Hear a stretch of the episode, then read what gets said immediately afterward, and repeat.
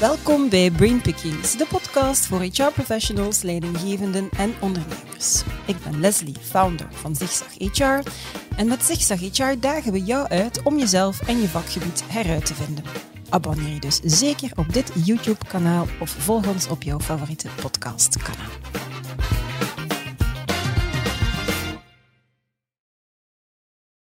Voor de elfde keer ondertussen polst Deloitte Global wat de jongste generaties op onze werkvloer verwachten van het leven en het werk.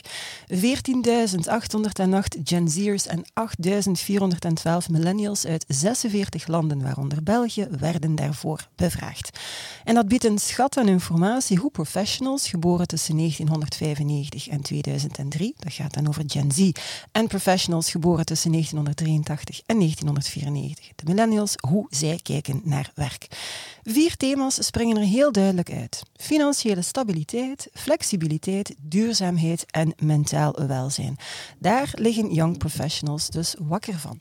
En dat vertaalt zich ook naar hun verwachtingen ten aanzien van werk en werkgever. Belangrijk met andere woorden voor jou, beste HR-professional, want werknemers op de Belgische arbeidsmarkt waren nog nooit zo jong als nu. Vier op de tien werknemers zijn vandaag 35 jaar of jonger. En ik kruip vandaag in het hoofd van Nathalie van Dalen, Human Capital Leader bij Deloitte België. En samen met haar ga ik de belangrijkste inzichten uit deze survey overlopen, vertalen naar concrete adviezen voor jouw HR-beleid. Welkom. Dag Nathalie. Hallo. Goedemorgen. Blij dat ik er weer te gast ben bij jullie. Eh, fantastische plek. Ik zeg het elke keer. Het is uh, heerlijk om hier te vertoeven, dus merci de Inderdaad. Ja, ja, heel Welkom. Goed. Zie je dat zelf nog alle dagen? Kijk je nog naar buiten? Vaak eigenlijk wel. En soms ook een beetje op uh, momenten, zoals ochtends vroeg als je aankomt of mm. s'avonds als het zo qua rustiger is, dat je dan eens rondkijkt en dat je denkt inderdaad, wauw. Wow. dat zal wel zijn. Goed. Um, Nathalie, misschien om te starten. Hè waarom deze survey? Waarom is het zinvol om de arbeidsmarkt te bekijken vanuit de lens van Gen Z en de millennials? Ja, het is inderdaad een onderwerp, als we erover spreken, die altijd heel veel vragen uh, met zich mhm. meebrengt. Soms ook kritische vragen mm van, is het inderdaad wel nuttig om het vanuit mhm. deze lens te bekijken? Nu, het is duidelijk, het mag niet de enige lens zijn. Hè. Uh, onze, onze werkpopulatie is heel divers. Hè. We moeten natuurlijk vanuit diverse lenzen kijken, daarnaar om het goed te kunnen begrijpen en de nodige acties te kunnen nemen. Maar het blijft wel een belangrijke lens. Mhm. Ehm, we zien ook hè, natuurlijk, uh, de maatschappij rondom ons verandert steeds sneller. Hè. En een van de bepalende factoren waarom generaties soms anders denken, is de maatschappij waarin dat ze opgroeien. De ouders waarmee dat ze opgroeien, de waarden, de normen die ze meekrijgen op die manier. Dus we zien ook eigenlijk, doordat de maatschappij zo snel verandert, mhm. dat er ook steeds meer nieuwe wendingen komen in dat generatiedenken. En, daarna, en, daarnaast natuurlijk, in onze huidige werkpopulatie is het inderdaad een steeds groter aandeel mhm. van de werkvloer. Ja, ja. En het zijn ook de leiders van morgen. Dus, Absoluut. Dus allee, het is heel belangrijk dat we weten wat zijn de passies, wat zijn de noden van deze mhm. jongere generaties en hoe kunnen we daar inderdaad onder andere in ons HR-beleid mee rekening houden. Oké, heel helder. Het is de elfde editie ondertussen. Ongetwijfeld zit er daar wel ergens een bepaalde tendens en resultaten over zo'n decennium heen. Maar dit jaar zijn er toch wel een aantal verschillen, of een wezenlijk verschil met vorige edities, heb je mij verklapt. Hè? Vertel. Ja, absoluut. In alle vorige edities, tot zelfs eigenlijk de laatste die we gehad hebben voor deze, zag je eigenlijk ja, heel veel optimisme, mhm. bijna een zekere dromerigheid. Okay. Waarbij dat mensen echt wel zeggen van, oh, niet zozeer naïef, maar echt wel dat streven naar, we willen een betere wereld creëren. Zelfs mhm. tijdens de covid-crisis, in de, in, de, in de voorlaatste onderzoek, voelde je heel sterk dat streven naar die betere post-pandemic wereld eigenlijk. Nu merken we eigenlijk wel een beetje een trendbreuk. Hè. Voor het eerst merken we bij deze generaties, bij allebei, een heel grote bezorgdheid. Grote mhm. bezorgdheid over ja, wat er allemaal aan, aan, het gebeuren is in de wereld, hoe dat de status van de wereld momenteel is. En we merken daarnaast dat ze eigenlijk een beetje ja, aan het zoeken zijn om die balans tussen mhm. nog steeds dat streven naar we willen de zaken veranderen, hoe dat ze dat combineren met die dagdagelijkse problemen dat ze zelf, maar ook rondom zich zien vandaag. En die paradox, dat mm. ja, een beetje struggelen tussen die twee elementen, zien we eigenlijk terugkomen in, in heel veel van de grote thema's in het onderzoek. Ja. En bij de beide generaties dan? Bij de beide generaties. Soms nog iets uitgesprokener bij de Gen Z, maar de trend is zeker dezelfde bij beide generaties. Ja, ja. Interessant. Um, uit de survey zijn dus ja, een viertal trends naar voren gekomen. Ik heb ze bij de intro al een stukje vermeld. Financiële stabiliteit, mentaal welzijn, flexibiliteit en duurzaamheid. We zullen ze allemaal eens overlopen. En misschien starten met financiële stabiliteit. Het is geen verrassing natuurlijk dat dit ook bij, bij Gen Z en bij millennials een topic is, gezien de huidige economische context. Hè? Ja, inderdaad.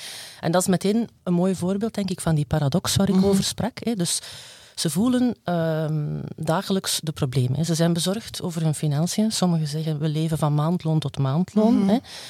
Maar tegelijkertijd voel je dat ze toch heel bewust kiezen voor ook investeringen in duurzame, ja. uh, duurzame keuzes maken. Hè. Dus de, terug die paradox. Hè. Maar je merkt wel dat het leeft, die bezorgdheid is er. We mhm. zien ook dat heel veel, en het gaat toch over grote percentages, ik denk 41% van de voltijds uh, werkenden uh, Gen Z en 22% idem van, mhm. van de millennials, heeft een tweede job naast hun, ah, ja. naast hun hoofdjob. Wat toch wel ook allee, iets was, dat, dat is om nieuw, rond hè, te, om rond te komen. komen dus die financiële bezorgdheid is er zeker. En ook, ja, ze proberen er iets aan te doen. Mhm. Maar tegelijkertijd merken we ook wel dat dat niet een, een hoofdreden is mhm. om bijvoorbeeld bewust voor een werkgever te kiezen. Ah ja, dus het staat niet op de eerste plaats. Dat zal niet de reden zijn waarom kiezen ze... voor. Ja. Nee. Ah, okay. nee, want dat is bijvoorbeeld een, flexibiliteit staat daar veel hoger als, ah, als een belangrijke factor. Ja. En dat is dan inderdaad het, eh, het tweede thema dat, ik, eh, dat ik graag met jou wou, wou vastnemen. En ze, zoals je zegt, heel duidelijk, ze verwachten die flexibiliteit inderdaad. Vertaalt zich ook waarschijnlijk in remote kunnen werken, kan ik me inbeelden. En het spaart hun geld, maar ook wel tijd. En die moeten commuten alle dagen. Maar het gaat waarschijnlijk niet alleen over waar ze willen werken, maar ook hoe en wanneer ze willen werken. Hybride werken, enfin. Wat zijn daar de belangrijkste inzichten waar dat je graag wil op inzoomen wat die Belgische populatie betreft? Wel, zoals ik al zei, het is een belangrijke factor voor de keuze. Ze verwachten het echt van de werkgever. Hè. Mhm. Ehm, nu, um, het is een, ze zien ook, hè, we merken dat thuiswerken, maar dan vooral hybride werken, hè, Mhm. een, een, mooie vorm. Ze zien dat als een mooie vorm, één manier van flexibiliteit. Hè. Maar ze zien er ook wel nadelen van. Het zijn Mhm. eigenlijk vooral de Gen Z die ook wel benadrukken dat er niet alleen voordelen, maar ook nadelen aan Ja. zijn. En ze benoemen dan bijvoorbeeld minder toegang tot sponsorship, mentorship, Ja. ehm, minder kans om netwerk op te bouwen, minder toegang zelfs tot, wat, wat misschien een beetje raar is, tot leermogelijkheden. want Mhm. daar zou je verwachten, hybride. Ja. Maar dus vooral bij de Gen Z merk je dat ook wel, dat dat een genuanceerd beeld is. Ja. Wat we vooral ook zien, ehm, is dat ze zeggen wel dat hybride werken, een goede mix, hè, wel Mhm. het streefdoel is. Ongeveer 60 procent, en dat is gelijklopend bij beide groepen, Ja. zegt van, dat zou mijn voorkeur zijn. Hè. Als je dan kijkt, waarin werken ze effectief vandaag, of geven ze aan dat Mhm. ze werken, dat is echt ongeveer 40 procent maar eh, van, van de mm, Gen Z en zelfs maar 30 procent van de millennials, dat ze effectief in zo'n hybride vorm werken. Dus daar zit toch wel een, Ja. een zekere discrepantie op. En een ontevredenheid die daar ergens of wat het- speelt. En, en, en dat stimuleert, Ja. denk ik, ook een beetje die duidelijke call for action. En Ja. dat ze zeggen naar de werkgevers toe van... Mhm. Jullie zijn flexibel, maar waarschijnlijk nog niet flexibel genoeg. Hè? Ja. En dat, dat uit zich in een aantal eh, vragen. En ik denk, één vraag die we zeker ook merken is een vraag naar nieuwere vormen van flexibiliteit. Mhm. En dat kan dan zowel hé, in de tijd of, of waar, bijvoorbeeld meer part-time jobs, eigen werkschema's bepalen, geen e-mails na de normale uren, dat Mhm. soort dingen. Maar daarnaast merk je ook dat ze zeggen, inderdaad, het gaat niet alleen over waar werken, wanneer werken, maar ook over hoe en wat Ja. dat we doen. En dan kom je natuurlijk bij meaningful werk, Ja. eh, bepaalde andere zaken, inclusief werken, Mhm. eh, hoe wordt er rekening gehouden met hen en zo verder, carrière-mogelijkheden. Dus dat opent natuurlijk een, een hans ander hammer van flexibiliteit. Mhm, mhm. En daar merk je wel dat ze dat eigenlijk ook wel heel belangrijk vinden. Alles met een ondertoon van maak het concreet. Make, Ja, it, make it happen. hè. Praat er niet alleen over. Praat er maar, niet eh, alleen ja, over, maar doe er iets aan. Mhm. En als het kan ook, liefst zo gepersonaliseerd mogelijk. Ja. En dat is natuurlijk iets eh, waar we in het HR-beleid eh, allee, mee gaan moeten rekening Mhm. houden, eh, hoe dat we dat kunnen Ja, eh, ja, segmenteren. Oké, maar frappant inderdaad wel als je de cijfers vergelijkt, percentages vergelijkt van mensen die zeggen, ah, ik vind dat dus cruciaal dat het kan. En als je dan kijkt in welke mate dat ze daar vandaag al zitten, Ja. Zou ik mij toch als werkgever wel wel zorgen maken op een krappe arbeidsmarkt. Dat ik ze misschien niet meer zo lang ga kunnen vasthouden. Inderdaad. Ja, oké. Ehm, duurzaamheid dan misschien als hè, derde thema staat al heel erg lang op de agenda. Leert de survey ons daar dit jaar iets, iets nieuws? Wel, inderdaad. Het staat al heel lang als thema ook in dit onderzoek. Hè. Mhm. Eh, het maakt deel uit van dat streven naar hè, voor Ja, een ja. betere wereld. Het is natuurlijk ook iets dat we, dat we zien in de maatschappij. Mhm. Komt sterk naar voren dat ze in hun persoonlijk leven die keuzes maken. Hè. Bijvoorbeeld 64% zegt dat ze meer willen betalen voor producten als het duurzame producten zijn. Komt dan weer een beetje gelinkt met die financiële ja, ja, paradox. Ja, paradox inderdaad. Ja. Ehm, de call for action is heel luid wel. Ja. Ehm, hij is verwacht, maar en de percentages zijn daar heel laag, hè, Mhm. lager dan vroeger. 9% van de Gen Z en 4% van de millennials zegt eigenlijk dat bedrijven voldoende acties nemen vandaag. Dus dat is, Ja. dat is bijna... allee. ja. Dus ze zeggen inderdaad van, stop talking about it, maak echte commitments en Ja. voer ze ook uit. Hè. Ehm, op zich was die, allee, behalve dat die percentages misschien wel heel laag waren, was dit Mhm. nog voor mij geen grote verrassing. Wat wel een verrassing is, denk ik, dat die call for action, die Ja. al een beetje aanwezig was de vorige jaren, nu ook doorgetrokken wordt heel sterk naar die andere thema's. Bijvoorbeeld die flexibiliteit, Ja. maar ook eh, mentaal welzijn, eh, wat dit in, allee, waar we het ook gaan over hebben. En dat is iets, denk ik, die call for action die een beetje ja, verwacht is Mhm. voor die duurzaamheid. Ja. Dat ze nu ook zeggen, dezelfde sterkte van call for action ook op die andere Op die thema's andere thema's. doortrekken Ja, oké, dus een duidelijke. Dus ze zijn meer Ja. demanding. Hè? Ja, eh, en ongeduldig. En En, en, ongeduldig. ja, Ja. van de, het wordt tijd dat er iets aan gebeurt. Ik probeer mij dan af te vragen als je zegt van die percentages, ehm, dat er dat er zo weinig bedrijven daar eigenlijk mee bezig zijn en wat dan de duurzaamheid eh, betreft, zou het kunnen dat bedrijven er misschien wel al iets meer mee bezig zijn, maar er nog niet genoeg over communiceren. Ik probeer dan dat als... Misschien is dat ook een issue, want als ik met bedrijven spreek, zetten Ja, die daar Inderdaad. wel al meer op in. Ja, en dat is inderdaad- eigenaardig. Ik denk dat dat voor een stuk een deel van de verklaring is. Mhm. Maar voor een stuk misschien ook eens ja, polsen van doen we de juiste dingen Doen we de juiste dingen? In, Ja. hun, in de leefwereld van de jongere generaties, bedoel ik dan. Hè. Misschien doen we de juiste dingen voor de oudere generaties. Of Ja, ja, ja. En naar de wereld weinig bekijken. ja, met hun bril. Ja, dat zou, dat zou heel goed kunnen. Ehm, mentaal welzijn, hè, je verwees er daarnet ook al een stukje naar. Eh nagenoeg alle organisaties zijn er echt wel mee bezig vandaag. Hè. Maar die focus, die verhoogde focus bij bedrijven, die leidt eigenlijk nog altijd niet tot minder uitval, minder mentale problemen. Hoe kijken millennials en eh, Gen Z daarnaar? Ja. Wel, mentaal welzijn is het grote nieuwe thema. Hè. Mhm. Ehm, ik denk dat dat in dit onderzoek ook zeker eh, bevestigd wordt. Mhm. hè. We zien een aantal zaken. Ehm, meer dan bijna de helft van de, van de jonge generaties in beide groepen geeft eigenlijk aan dat, dat, dat ze angstig of gestrest zijn op dagelijks of regelmatige basis. Dat is heel veel. Hè. Dus Ja. het stressniveau ligt heel hoog. Mhm. En daarnaast zien we ook dat alles wat te maken heeft met die mentale gezondheid, mentaal welzijn, een heel belangrijk.